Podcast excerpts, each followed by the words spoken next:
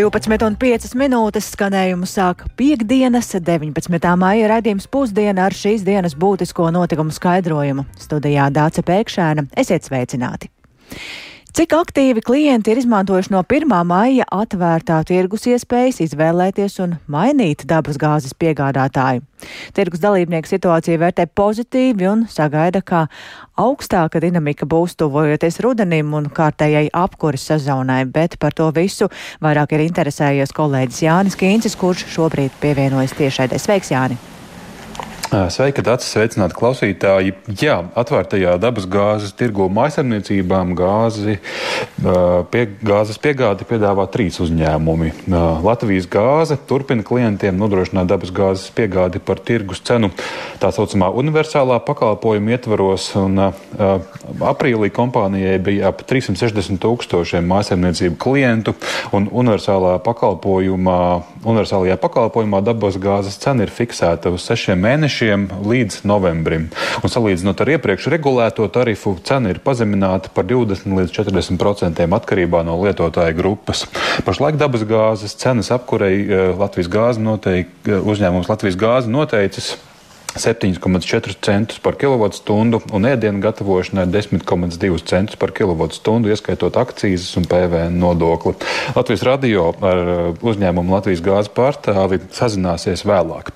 Bet tirgu ir vēl divi spēlētāji. Igaunijas uzņēmuma Estigās meitas kompānija Elenger dabas gāzes tirgu mājsaimniecībām savu piedāvājumu izteica tikai aprīlī, un pirmos līgumus ar klientiem noslēdz no māja, un pašlaik uzņēmuma klientu lokā ir ap 2000 mājsaimniecību dabasgāzes saņēmēju. Un lielākoties tie ir mājokļi, kur dabasgāzi izmanto apkurei, bet arī ēst uh, gatavošanai. Tāpat klientu lokā ir arī vairākas daudz dzīvokļu ēku biedrības, kas dabasgāzi izmanto gan apkurei, gan ūdens uzsildīšanai. To stāsta Elengera valdes priekšsādātājs Dāvis Skulte. Mēs to vērtējam labāk nekā vienu paredzējuši, jo tomēr mēs esam jauns un plašākai sabiedrībai bijām nezināms spēlētājs. Un, uz tā fona mēs to tomēr vērtējam kā ļoti pozitīvu rezultātu. Tas jau ir tas galvenais, kāpēc dabasgāzes tirgus ir atvērts, ka ir šīs izvēles iespējas un cenas arī jau veidojās atbilstoši tirgus situācijai. Un, piemēram, mēs saviem visiem klientiem, kas ir izvēlējušies šo elastīgo plānu, jau divas reizes esam jau samazinājuši cenu. Tātad viena cena bija no māja, no jūnija mēs samazinājām, un no jūlija jau arī esam noteikuši jau, jau būtiski mazāku gāzes cenu. Tas ir tā kā tam jābūt tirgus darbībā. Elenger noteiktās dabas gāzes izmaksas atbilstoši elastīgajam plānam no 1. jūlija noteiktas apkurē 7,2 centi par kilovatstundu, bet ēdienu gatavošanai 11 centi par kilovatstundu.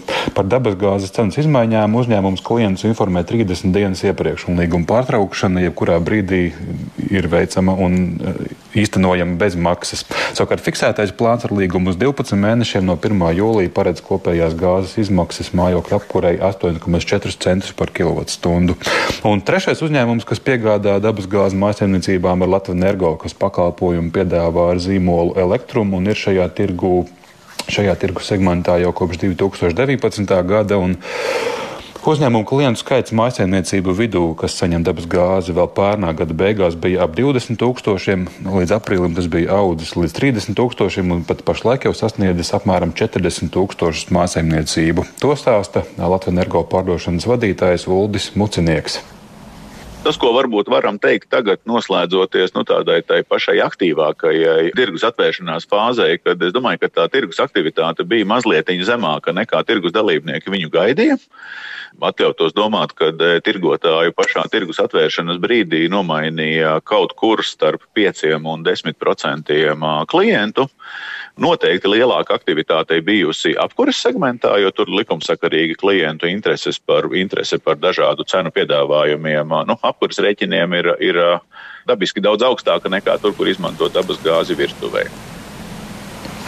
Un elektrumdabas gāzes izmaksas slēdzot līgumu, kas stāsies spēkā no 1. jūlija, noteiktas 9,1 cents par kilovatstundu siltumam un uh, ēdienu gatavošanai, bet siltumam 6,7 centi par kilovatstundu. Un pēc mucinieka iepriekš teikā, teiktā Latvijas energo pakāpeniski plāno sasniegt 20 līdz 30% daļu dabasgāzes tirgu mājsaimniecībām.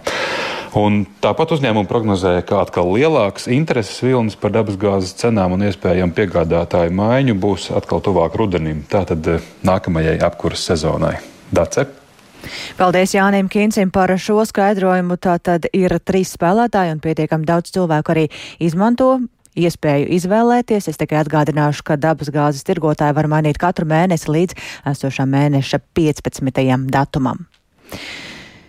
Vēnspils brīvos teritorija, kas ir blakus Baltijas jūrai, pašlaik 14 hektāru lielā platībā attīra gruntsūdeņus no vēsturiskā naftas piesārņojuma un būvē īpašu filtrējošu barjeru. Vairāk nekā divos hektāros piesārņojums ir koncentrētāks, un tur vēl no pagājušā gadsimta uz gruntsūdens veidojies naftas produktu peldošais slānis līdz pat 19 cm biezumam, un projekta kopējās izmaksas pārsniedz 5 miljonus eiro, bet vairāk par visu Ingas Ozols ierakstā vietējo liecības ir ļoti dažādas. No 60.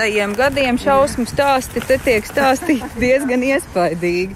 Grūti pat iedomāties, ka vietā, kur zied zeltaini kāpu augi un tālumā šalko jūra, zem zemes peld naftas produkti. Tagad kāpu smiltīs daudz viet izveidoti urbumi un redzamas garas caurules, kur notiek naftas produktu izsūknēšana no gruntsūdeņiem.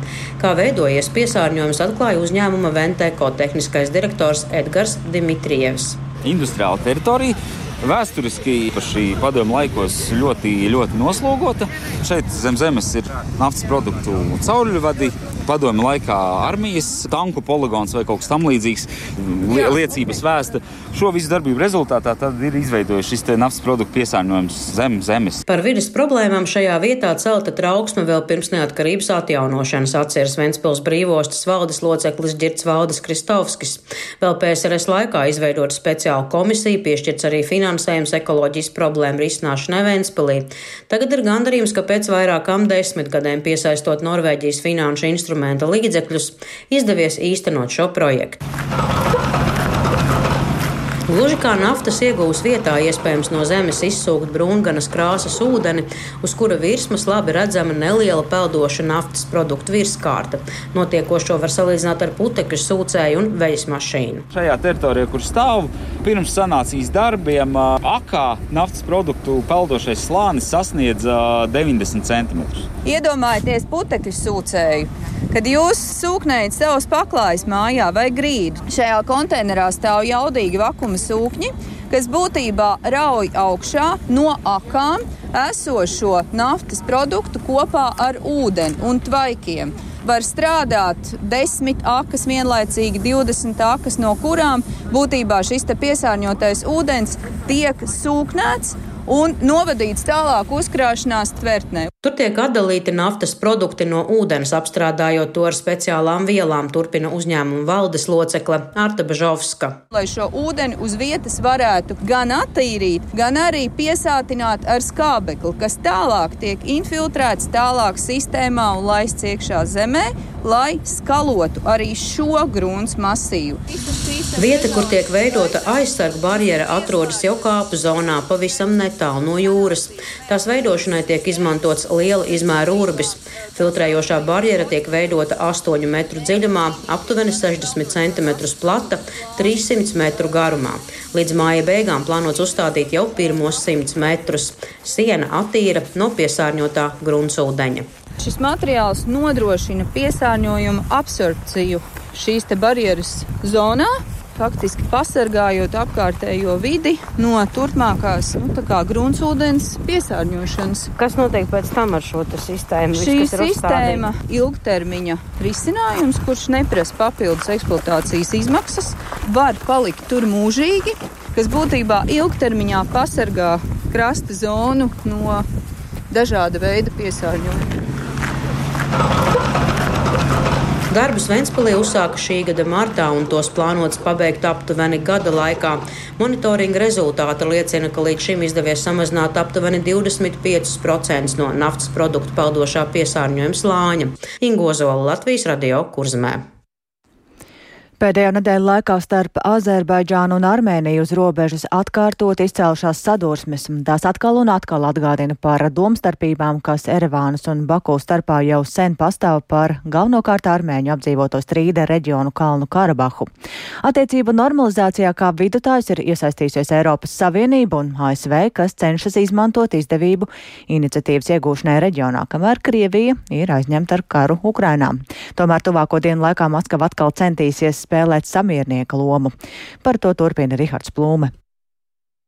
Strīdā par Kalnu Karabahu Armēnijas un Azerbaidžānas starpā divreiz izcēlies karš. Otro reizi tas notika 2020. gadā, kad konfliktā dzīvību zaudēja aptuveni 6500 cilvēku.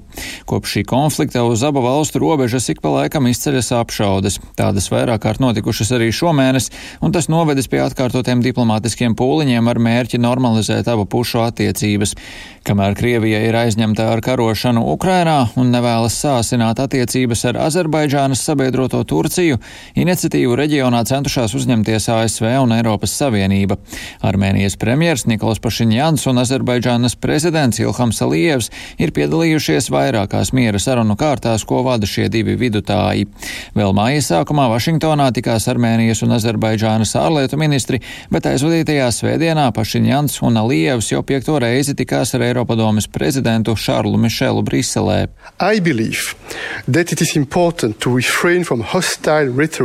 Uzskatu, ka ir svarīgi atturēties no naidīgas retorikas. Ir svarīgi iesaistīties no labas gribas un izrādīt vadību, lai panāktu appusēji pieņemumus risinājumus. Eiropas Savienībai šeit nav slēpta darba kārtība. Mūsu vienīgais mērķis ir palīdzēt Armēnijai un Azerbaidžānai sasniegt visaptverošu un godīgu mieru, un mēs esam gatavi dot savu ieguldījumu viņu kopīgajos centienos. Un tāpēc esam vienojušies Briseles sanāksmes rīkot tik bieži, cik nepieciešams nepieciešams. Alievs un Pašiņjans arī piekrituši tikties ar Francijas un Vācijas līderiem Eiropas politiskās kopienas samitā Kišiņevā 1. jūnijā. Diplomāti un amatpersonas pēc sarunām ierasti atzīst, ka tajās panākts kāds progress. Konkrēti Briselē uzteikts, ka abām pusēm izdevies vienoties par ekonomikas un transporta sakaru atbloķēšanu reģionā. Tiesa abu sāncenšu retorika neliecina par to, ka būtu ievērojami pieaugušas izredzes parakstīt miera līgumu.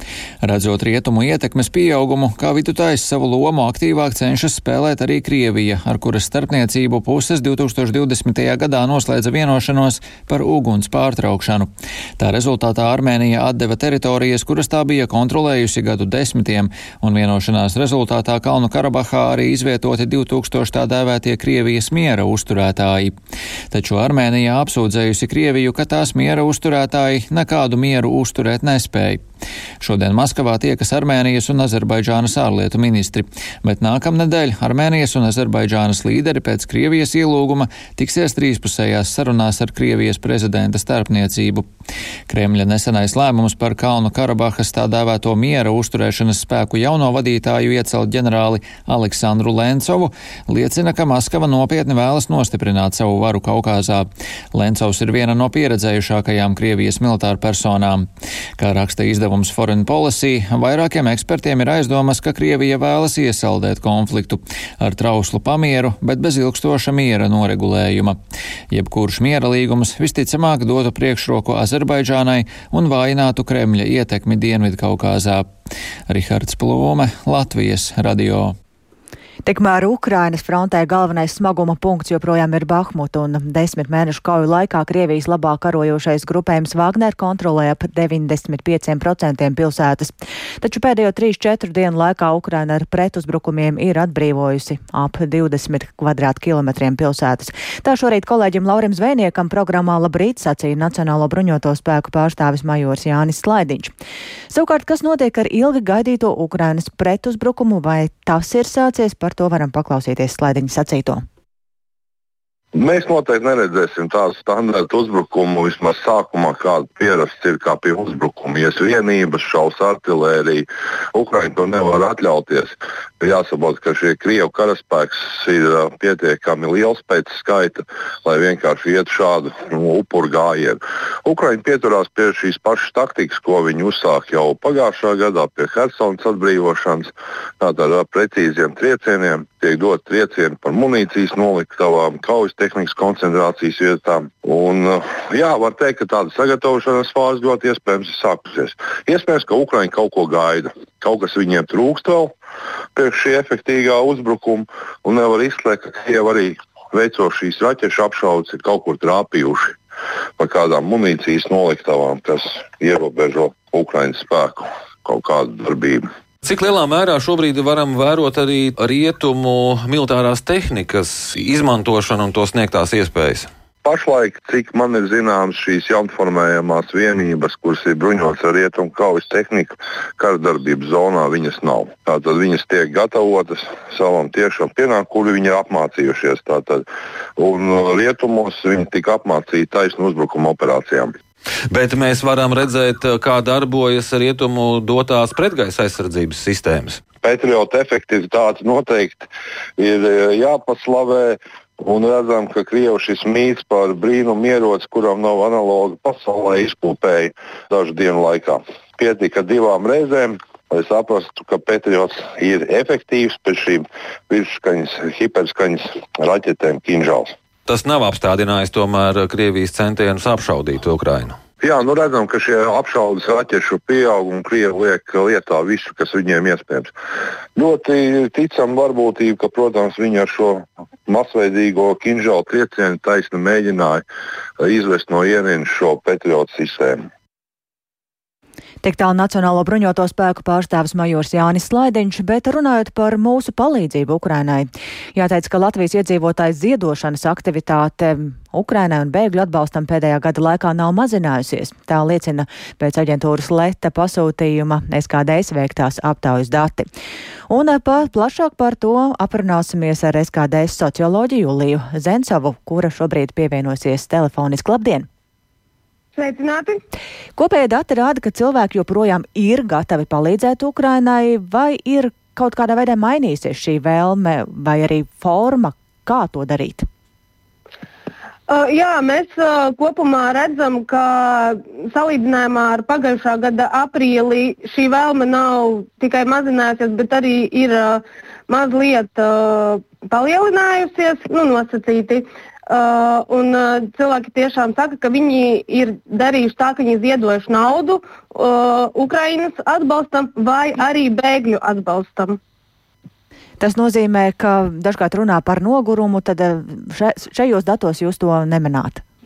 Šajos datos mēs to neredzam. Mēs uh, varam arī redzēt, kā novērot, ka salīdzinājumā ar pagājušo gadu uh, starp respondentiem ar latviešu sarunu valodu ģimenē šis atbalsts ir palielinājies no 52 uz 57 procentiem. Uh, jo arī kopumā šie nu, gadu laikā ir bijušas uh, daudzas akcijas, kas tika veidotas šie palīdzības sniegšana, ir atvieglināta, tomēr ir uztaisīti dažādi kanāli, piemēram, noziedot, nospiežot divas pogas internetā, ir kļuvis, nu, ir vieglāk nekā kaut kā pielikt pūles. Tiek vākti arī ir uh, brīvprātīgie, kuri palīdz ievākt visādas lietas, uh, palīdzot bēgļiem. Tā kā, nu, nav tikai tā, ka ir uh, cilvēki noguruši, bet viņiem ir arī atvieglināta šīs iespējas. Tāpēc, ja man nav jāpieliek lielas pūles, kāpēc gan neziedot, jo es uh, gribu sniegt atbalstu. Kas ir tie aktīvākie ziedotāji? Gan vecumziņā, gan tautības, varbūt arī reģionu? Uh, protams, mēs uh, arī nu, vispār kopumā redzam, ka šī aktīvākā publika ir gados jaunāki cilvēki.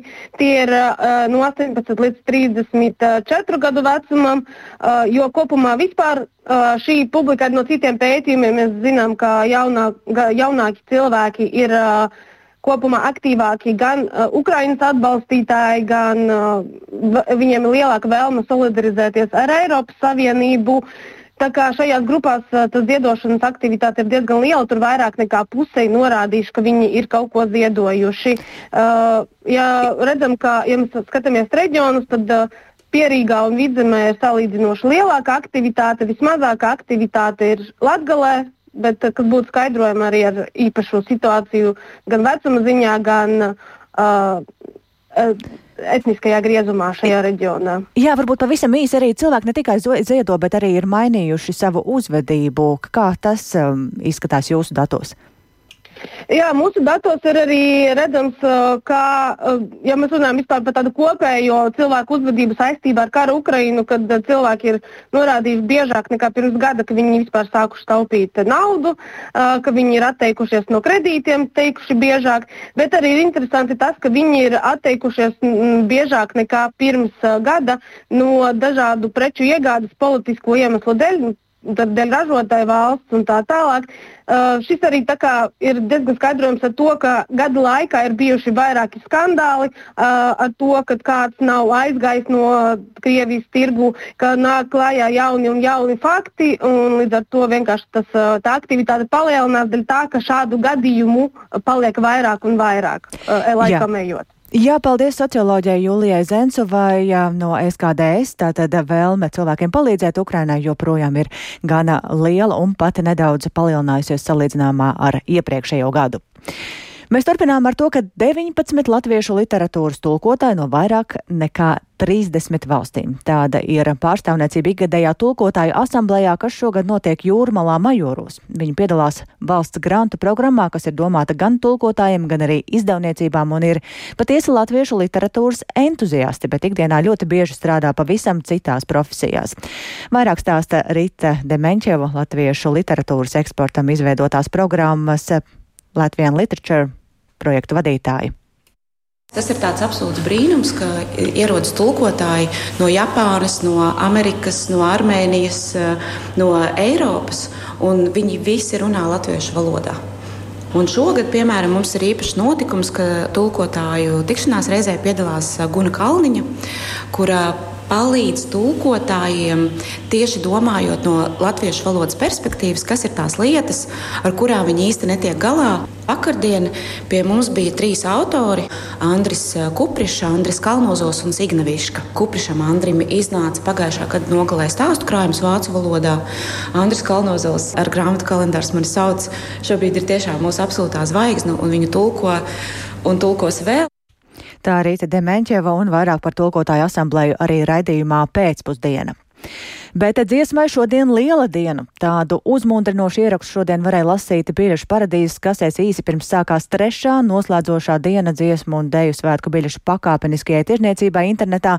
Vai tikpat uzmundrinoši ir gājis arī ar biļešu iegādi, to vaicāsim dziesmu un deju svētku izpildirektorai Dēnai Markovai. Labdien! Labdien!